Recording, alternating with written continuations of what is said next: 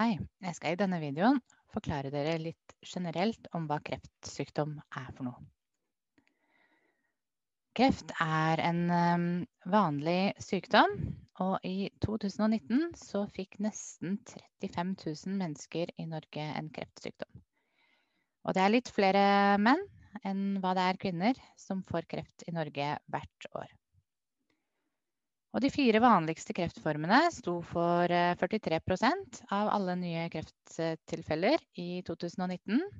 Eh, fordelt på prostatakreft, brystkreft, lungekreft og tykktarmskreft. Men kreft er eh, ikke én sykdom. Og kreft kan oppstå i alle organsystem i hele kroppen. Derfor kommer ikke bruke dette kurset til å behandle mm, kreftsykdom i mm, alle de ulike eh, organsystemene. Men vi skal ta for oss eh, seinere i kurset de vanligste kreftsykdommene og se litt nøyere på disse. Det som er verdt å vite, er at ulike kreftformer krever um, ulik behandling fordi at de har uh, ulike karakteristika. Og det er mange faktorer som er med på å bestemme om man faktisk kan bli frisk fra sin kreftsykdom. Så skal vi se at kreft er den sykdommen som flest personer i Norge eh, dør av. Og i denne figuren kan vi se at eh, hjerte- og karsykdommer, som er den eh, gule linja, har i veldig mange år vært den kreft, den, eh, den sykdomsgruppen som, eh, som, flest har dødd av. Mens i 2016 så tok kreft over for å være den vanligste dødsårsaken for personer i Norge.